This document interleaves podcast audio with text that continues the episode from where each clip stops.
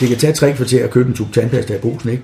når man er præst, fordi man møder jo hele tiden nogen, ikke? som man lige skal høre til, at måske en har været syg, eller høre, hvordan de har det efter ægtefælden er død, eller med børnene, der har været sygdom. Så, man kunne bare gå, gå ned i brusen og være med at snakke med folk.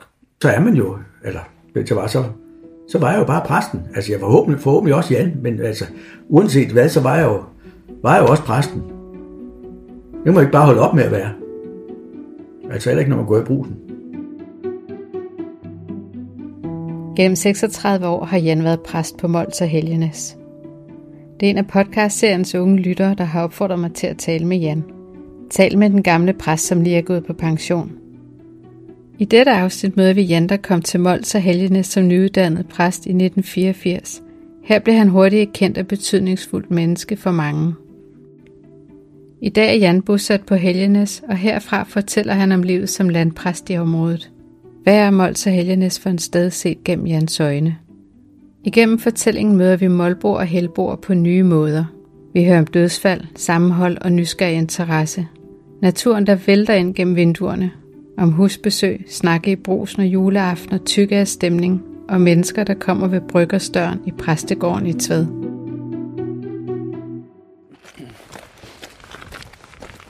Prøv nu lige at se her, ikke? Solen er lige stået op her hen over træerne, sådan ud over, ud over Kattegat, og så kan vi jo... Hver morgen runder Jan fyret på sin tur med hunden, og i dag er jeg gået med. Det er bare så flot. Altså. Hellenæs er jo sådan på nogen måde sådan lidt barskere end Mols. Sådan på, ligger jo sådan lidt, lidt tættere til store vand, så derfor så blæser det noget mere her. Nu i dag blæser det jo nærmest ikke. så. Og øh, jeg har jo været fuldstændig vild med at bo i Tved Præstegård. Og der var også vand, Knebelvig, mere stille. Jeg vil sige, der sker noget mere på Aarhusbugten, end der gør på Knebelvig. Og jeg regner stadigvæk til vinduet, når der kommer en af de der helt store øh, containerskib. Altså, det er fuldstændig vildt at se. At, øh, hej. Øh, at så... Øh, der er ikke mange mennesker ved fyret en januar morgen, men der hilses. Jeg spørger Jan, hvordan det har været at gå på pension. Som en af mine kolleger en, øh, en gang sagde det, han, når han tænkte på at skulle på pension, så synes han, det, det værste at tænke på, det var, at der pludselig ikke var nogen, der havde brug for en. Og sådan kan jeg også godt tænke, ikke? men så siger jeg, jamen, så er der, er det jo familien, men altså, vi taler tit om, hold fest, hvor er det, det er jo et privilegeret liv, ikke? Nu kan vi begge, begge to godt lide at være ude. Jeg har fået mig en motorsav, så jeg kan lave noget brand og sådan noget. Det synes jeg er rigtig sjovt. Vi er tilbage ved huset. Ja, så der er jo en bænk deroppe. Det er jo så også, altså også vores der, ikke så? Der kan man rigtig sidde og kigge ud over det hele. Der sidder vi nogle gange om vinteren i flyverdragter, så med en kop te, måske med lidt rom i, eller noget sådan. Så der kan man rigtig sidde og hygge sig deroppe, når det er godt vejr. Det er jo en perle, det her. Altså, vi er simpelthen så glade for at være her, og synes, det er helt fantastisk, at det er blevet vores. Vi træder indenfor. Det her Jan bor med sin kone Kirsten og hunden Martha. Så Martha, så kan du godt smutte ind. Jeg spørger Jan, hvordan det var at komme som ung og nyuddannet til Mols og Helgenæs for snart 40 år siden. Jeg var helt nøjagtig i 30,5 år, da jeg kom. og jeg har jo ikke været præst andre steder, jeg har aldrig været andre steder. Øhm, det var 1984. Og der var så heldigvis det her embede lidt, og heldigvis siger på den måde, at, at uh, i min studietid, der sejlede så noget, vi kaldte Moltekspressen, en båd fra Aarhus til Skødshoved, hvor man bare kunne tage sin cykel med. Og den gang i min studietid tog min daværende kone og jeg og vores dengang eneste søn øh, cyklerne med, og cyklede en tur op i politiet sovn, altså fra Skødshoved, rundt om Isgård og Tved og Dejer tilbage til, til bordene. Så snakkede jeg, hold nu fest. Tænk, hvis vi engang kunne komme til at bo her. To år efter er jeg færdig, og jeg skal søge job, og embedet her var så ledigt. Og så fik jeg det her. Der er nogen, der siger, har du aldrig nogensinde drømt om at komme væk? Jo, siger jeg har drømt om det en gang, og det var et mareridt. Jeg vågnede op, badet i sved, fordi jeg drømte, jeg skulle have et andet embede. Jeg var simpelthen så ked af det. Og så vågnede jeg, og så passede det ikke. Og det var dejligt. Der er jo nogen, der kan sige, at det kan være svært at komme, og bliver man de der tilfælde, og så bliver man selv lidt skeptisk andet og sådan noget. Der har man jo som præst den fordel, at her kan du kun, i dit job kan du kun komme, hvis der er nogen, der har valgt dig til at komme. Og de bakker jo, det har det i hvert fald gjort mig, bakker jo en op fra starten, ikke? og det viser jo også noget. Lige da jeg var kommet, så den daværende meningsrådsformand i Tvigo Madsen i Tved, som også blev min rigtig meget gode ven, som jeg lærte utrolig meget af, han sagde til mig, du skal ud og køre en tur. så kan jeg fortælle dig, hvem der bor her i tårnet, hvem der det kunne være fint, du kiggede ind til.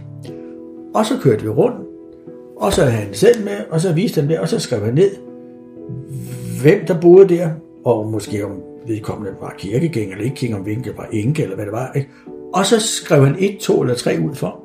Og så betyder det, hvis der står et, så vil jeg anbefale, at du meget hurtigt hikker hen til vedkommende. To der, og så tre, det er når du en gang får tid. Og jeg anede jo ikke en pind. Og det var jo fantastisk. Og de andre sovn blev også lige kørt rundt sådan for at sige, du skal lige vide sådan og sådan, og der bor dem og dem og sådan. Lige i starten, så troede jeg jo sådan, at jeg holdt jo øh, avisen Djursland og se, om der var nogen, der havde fødselsdag, og ud, hvis nogen havde rundt fødselsdag, så kunne jeg huske, det var en kone gang sagde, altså, måske er det jo ikke primært dit arbejde at tage rundt og drikke øl og snaps og få røget ål, altså, øh, hvor folk alligevel har gæster. Tror du ikke, det var smartere, hvis du måske, så kunne du altid kigge ind til dem en anden gang, og så besøge nogen, der måske er lidt mere på, for det havde hun jo sådan set fuldstændig ret i. Så det holdt jeg så op med. Altså. Sved Præstegård havde været lejet ud i nogle år, fordi at, at min forgænger boede på Hellenes, så vi både de første halvandet år i huset hus til en gård på Hellenes. Da så præstegården i, i Sved var færdig, og vi så øh, øh, skulle flytte ind, så stiller en hel flok af menighedsråd deres ægtefælder med støvsuger og gulvkluder, og så ordner hele huset, og den gamle menighedsrådsformand har simpelthen købt, indkøbt 10 urtepotteskjuler, der står i alle vinduerne ud på gårdspladsen med en julestjerne i hver. Det var den 10. december. Altså på den måde virkelig sådan omsorg øh, hele tiden. Vi boede som sagt de første lande år på Helgenæs, og der kan jeg huske, da vi så flyttede til Tved, så kom der en, en, en, en, en gårdmandskone, som stadigvæk øh, lever, hun kom ned til os med en blomst og sagde, nu håber jeg, I bliver glade for at bo her i Tved, for jeg ved godt, vi er ikke så nemme at komme ind på livet af som helboerne. Og det var jo egentlig fantastisk flot sagt. Sådan har jeg egentlig ikke selv oplevet det, men, men, men det er måske nok det, man, man, man, man har sagt, at, at helbrugerne var, var lidt mere åbne en voldbordene, i hvert fald sådan umiddelbart. Og det har man så vil forklare med det her med fra gammel tid, at man var mere søfarende sådan fra Hellenæs. Og selvom du havde en gård, hvor du måske også fisker, og man havde børn, der var sejlet og sådan, men på den måde var mere åbne. Men at, som sagt, jeg har ikke, jeg har ikke selv følt, øh, at at Mols var lukket i forhold til mig. Der har, der har været så mange søde ting. Altså, vi var nogle familie, vi havde to øh, drenge på, på fire og, og et år, og, og min kone var gravid med, med nummer tre. Øh, og ham fik vi så, vi kom i august, og ham fik vi i november, og han var sådan hjertesyg fra fødslen og døde så i december måned. Og, og der var jo en fantastisk øh, øh, rørende øh, dengang, hvordan folk sådan øh, tog, tog hånd om os og, tilbød med mad og med at passe de andre og så videre. Og, øh, han døde den 16. december 1984, jeg begravede ham så øh, på Tød Kirkegård den 18. december. Øh, og, og, og, og der kan sådan huske, at, at, at så en af juledagene, øh, hvor før min, min kone så var med, min daværende kone var med i, i, i kirke, og så da vi kom ud, så siger den gamle menighedsråd, hvor formand Niels Viggo Madsen til mig, er du godt klar over, at du i dag har fået den, den bedste julegave? Hvad tænker du? Jeg så din kone smile.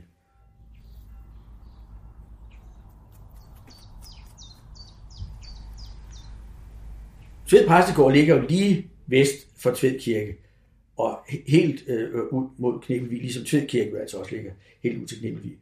Og i modsætning til, hvad man kan se, de fleste øh, ældre går på Mols, jeg er også på Helgenæs, men altså, hvis der ligger en gård ud mod vandet, så har man altid lagt en stalding eller en ladeling ud mod vandet, så stuehuset lå væk fra vandet, fordi man ville ikke have alt det der elendige blæst og gus. Altså.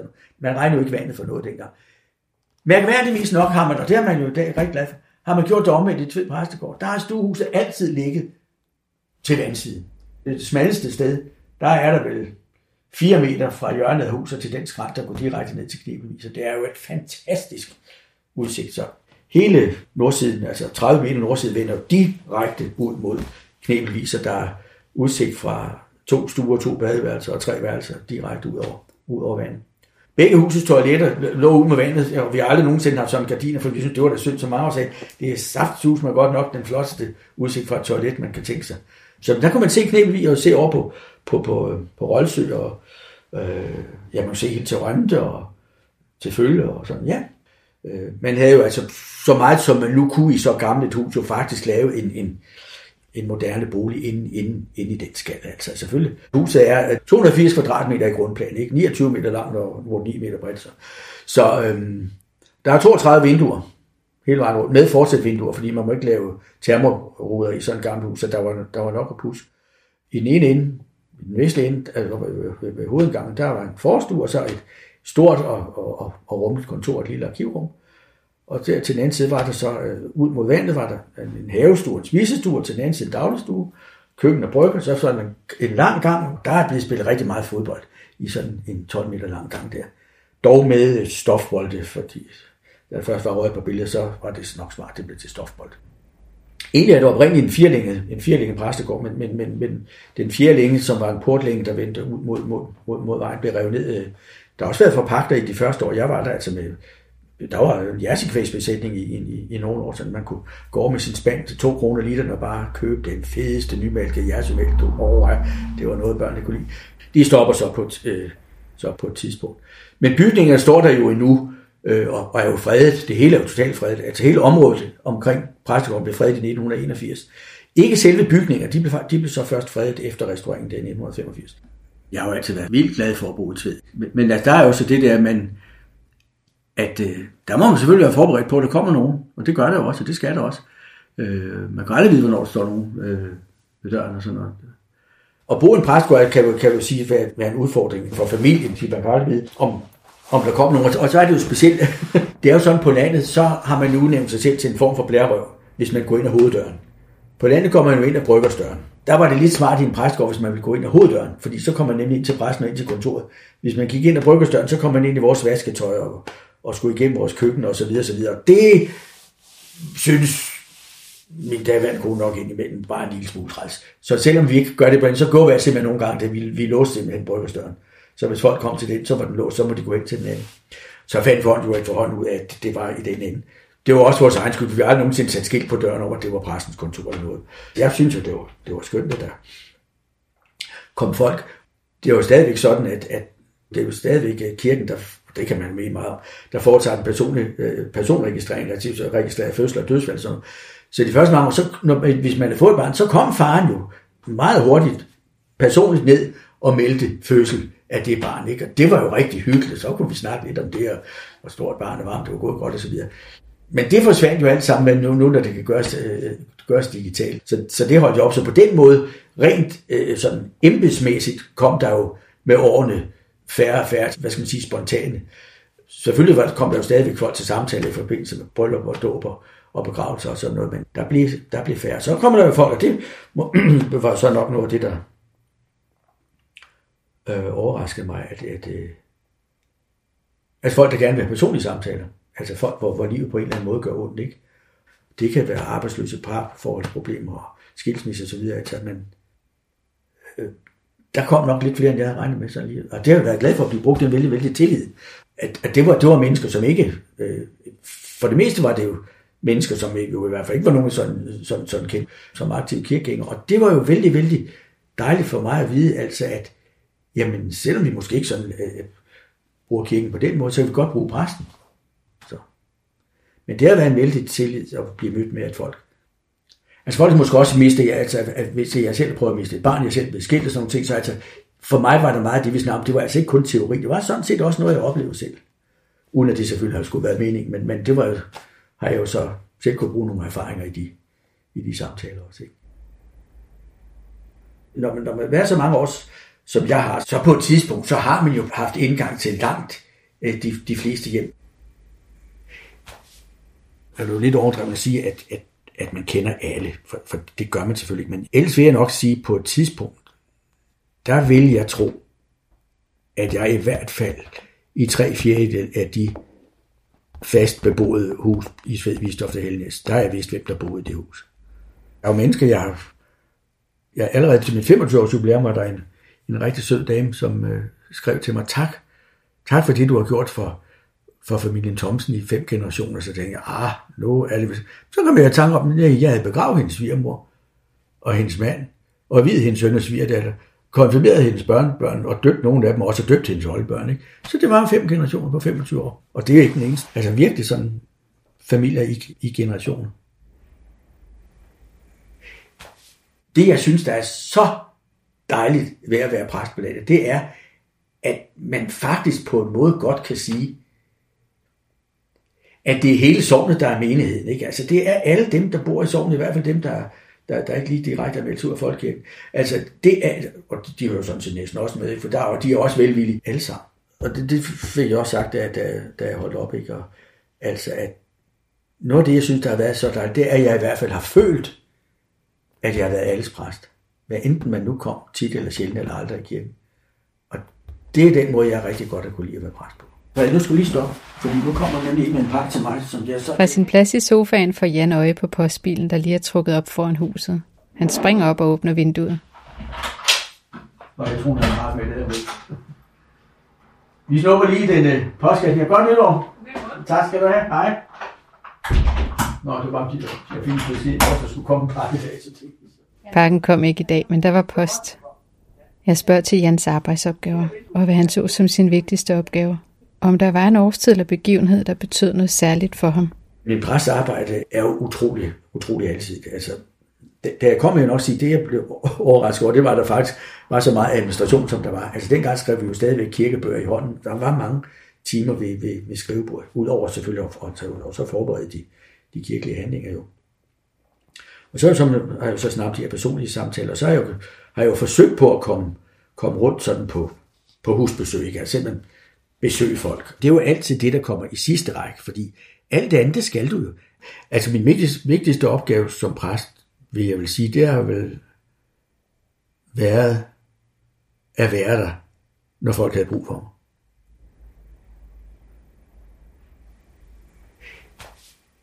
Jeg holdt nok allermest af det der med at simpelthen komme rundt og snakke med folk. Altså, vi skal være helt ærlige. Øh, det synes jeg var fantastisk. Den der personlige kontakt, det er noget af det, jeg har været rigtig, rigtig glad for. Så har jeg altid forfærdeligt godt kunne lide at holde gudstjenester. Jeg har sådan set ikke været så begejstret for at skrive prædikner.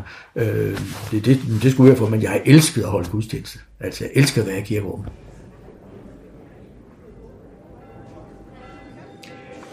Årets højdepunkt for mig, det har været juleaften. Altså nu elsker jeg, jeg er fuldstændig vild med jul. Og altså juleaftensgudstjenester, hvor kirken er fuldstændig propfyldt, ikke? Og hvor der er en sang, så du næsten som præst skal stå og klamre dig til alteret, for ikke at blive blæst helt op i vælvingen. At man bare kan høre en, en sang, der løfter sig sådan, så man, ja, man bliver bare høj af det. Det er også derfor, det hedder høj tid. Og det har jeg elsket ud af alle grænser. At alle de der mennesker, glade mennesker, ikke? Og gamle konfirmander, der kommer hjem, og man møder dem i døren, og man får et knuser. Ej, men det, det har været punktet for mig. De første mange år havde, havde vi jo levende lys på juletræet, så kunne man jo dufte det. Men der er jo en for tætte stemning. Der er vel, øh, for eksempel i Tved Kirke, er der vel 100, 160 faste sædepladser på bænken, og der er vi nogle gange været op mod 300 juleaften, ikke? så folk sidder jo alle steder på trappen op til prædikestolen, rundt på knæfaldet, og man kan dårligt nok være der, ikke? Og man kan have folk, man står for en alter, men der er folk simpelthen på, på begge sider, ikke? og folk synger, ikke? Og, og, og man, man kan jo mærke, at rummet er fyldt, selvom det er det meste af tiden. Når folk synger, så har jeg altid stået med ryggen til at kigge ind i alt, og så selv stået, stået så men også nogle har jeg bare tid stille, bare for at høre. Bare for at høre. For at høre.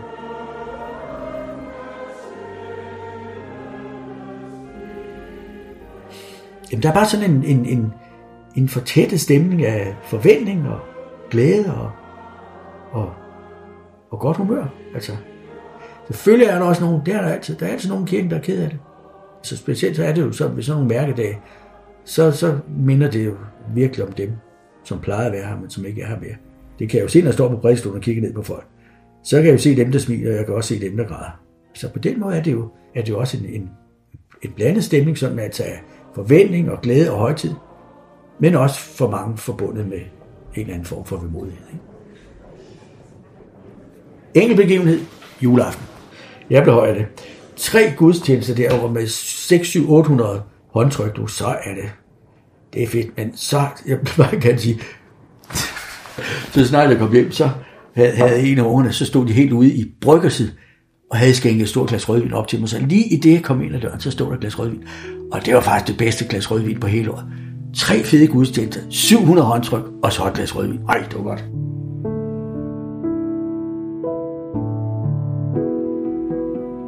Det der med, at, at, at så alle kender, kender en, altså det, det, det kan selvfølgelig nogle områder, på, på nogle punkter måske være, øh, jamen, være lidt belastende, altså, men jeg, og jeg har nogle gange en lille smule flabet sagt, at man kan stort set ikke undskyld udtryk, klog en skid, uden, uden, uden, uden hele sovnet har vidst det. Og det passer selvfølgelig ikke, men der er jo en interesse omkring e, e, ens person. Altså, man, ja, det kan man jo lige så godt se i øjnene, at når man bevæger sig rundt i, i området her, så er man jo, eller så var, så, så var jeg jo bare præsten. Altså, jeg var forhåbentlig, forhåbentlig også Jan, men altså, uanset hvad, så var jeg jo, var jeg jo også præsten. Altså, som jeg nogle gange har sagt, det kan tage, det kan tage tre kvarter at købe en tube tandpasta i brusen, ikke? når man er præst, fordi man møder jo hele tiden nogen, ikke? som man lige skal høre til, at måske en har været syg, eller høre, hvordan de har det efter ægtefælden er død, eller med børn, der har været sygdom. Så, man kunne bare gå, gå ned i brusen og være med at snakke med folk. Så det skal man ligesom være forberedt på. Så kan man sige, så har man jo klaret fire husbesøg, mens man har været, man har været i brusen. Så det, og det må man bare, bare finde sig i, at det er man jo. Det må man ikke bare holde op med at være. Altså heller ikke, når man går i brusen. Så er man også præsten, og derfor har man også, altså, kan man ikke bare gå forbi folk, som øh, man, man ved, der, der har mistet, eller på en eller anden måde, altså, så kan man ikke bare gå forbi og lade som ingenting.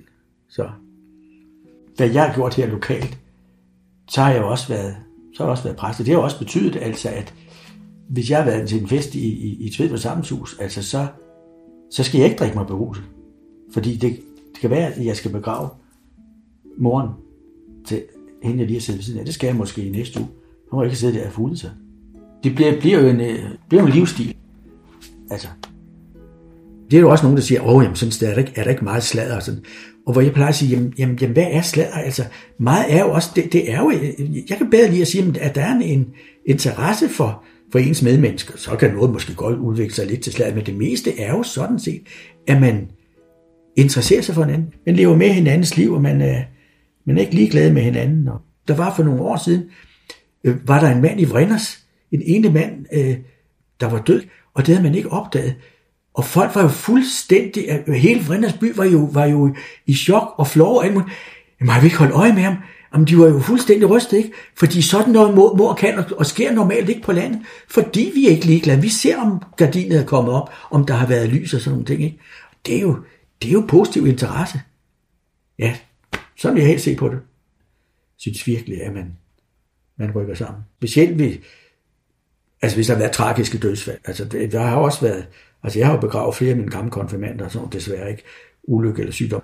Også folk, altså, altså i 50'erne, 60'erne, sådan, hvor folk virkelig, virkelig rykker sig. Der er jo, og der kan jo komme lige så mange øh, mennesker i kirken som juleaften. Man synger selvfølgelig ikke lige så meget, fordi stemningen er det andet ikke. Og det er jo sådan, altså, den landsby hvor, hvor, hvor vedkommende har boet i, jamen der kommer de jo stort set alle sammen. Altså hvis de overhovedet kan.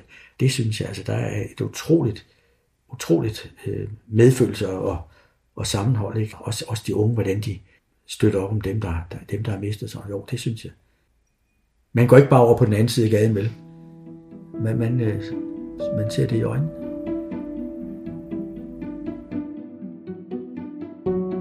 Øh, det er her, jeg føler mig hjemme, ikke? og det er også derfor, at, at vi så efter, efter nogle overvejelser, altså, så valgte at blive boende i området, hvilket jo øh, man ofte har sagt, at sådan, specielt på landet, så skulle gamle præster helst flytte væk for. Dels for at beskytte sig selv, og dels for ikke at sådan komme til at, at skygge for efterfølgerne. Ikke? Og netop fordi vi var så glade for at bo, så synes jeg også, jamen så skal man vel heller ikke, skal man vel ikke føle sig forpligtet til at flytte et andet sted hen. Så men nu er til den anden ende af pastoratet. Der er 15,5 km til præstegården i Tved, så jeg har da lagt lidt afstand. Den danske ordbog Emeritus fra latin fortjent, udtjent. Emeri, gøre sig fortjent. Faste udtryk, pastor emeritus i betydning, en pensioneret eller afgået præst. Det betyder vel egentlig bare, at man er, ja, man, er man udtjent måske fortjent, det ved jeg ikke. Men at, ja, at man har haft noget, som man laver noget, som man nu ikke gør mere. Det skal man lige vente til.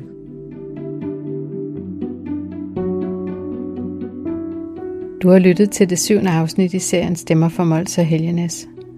Podcasten er skabt af Kulturgruppen under Mols i Udvikling i samarbejde med Mols Arkivet med støtte fra Syddjurs Kommune og Tød Sparekasses Fond. Mit navn er Susan Tulio.